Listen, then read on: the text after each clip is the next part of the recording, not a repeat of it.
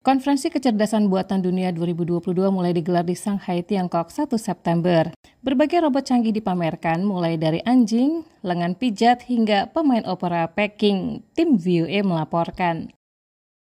Salah satu yang menarik perhatian di konferensi yang biasa disebut WAIC kali ini adalah robot anjing yang diberi nama Juying X20. Di ajang eksibisi tahunan kelima ini, produk buatan Deep Robotics ini bukan sekedar robot biasa. Robot anjing ini dapat menanggulangi berbagai gangguan fisik, mulai dari tendangan, pukulan, dan dorongan.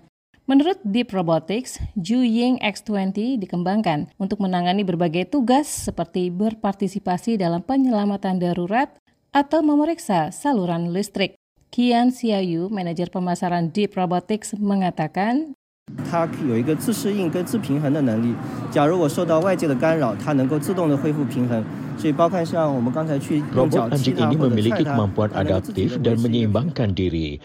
Jika mengalami gangguan eksternal, secara otomatis dapat mengembalikan keseimbangannya. Sama seperti ketika kita menendangnya, ia dapat menjaga keseimbangannya sendiri.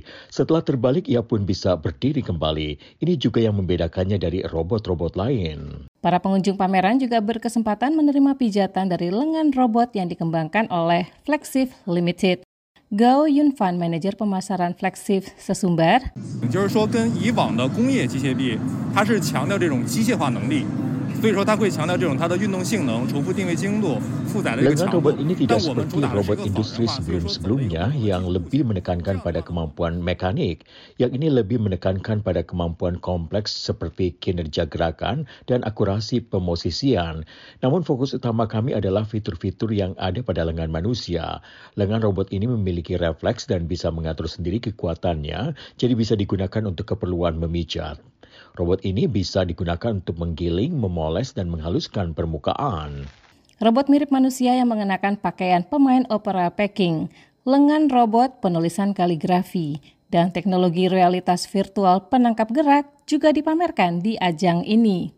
WAIC 2022 diadakan di Shanghai World Expo Exhibition and Convention Center dari tanggal 1 hingga 3 September. Sekian laporan tim VOA Arif Budiman, Lea Johannes.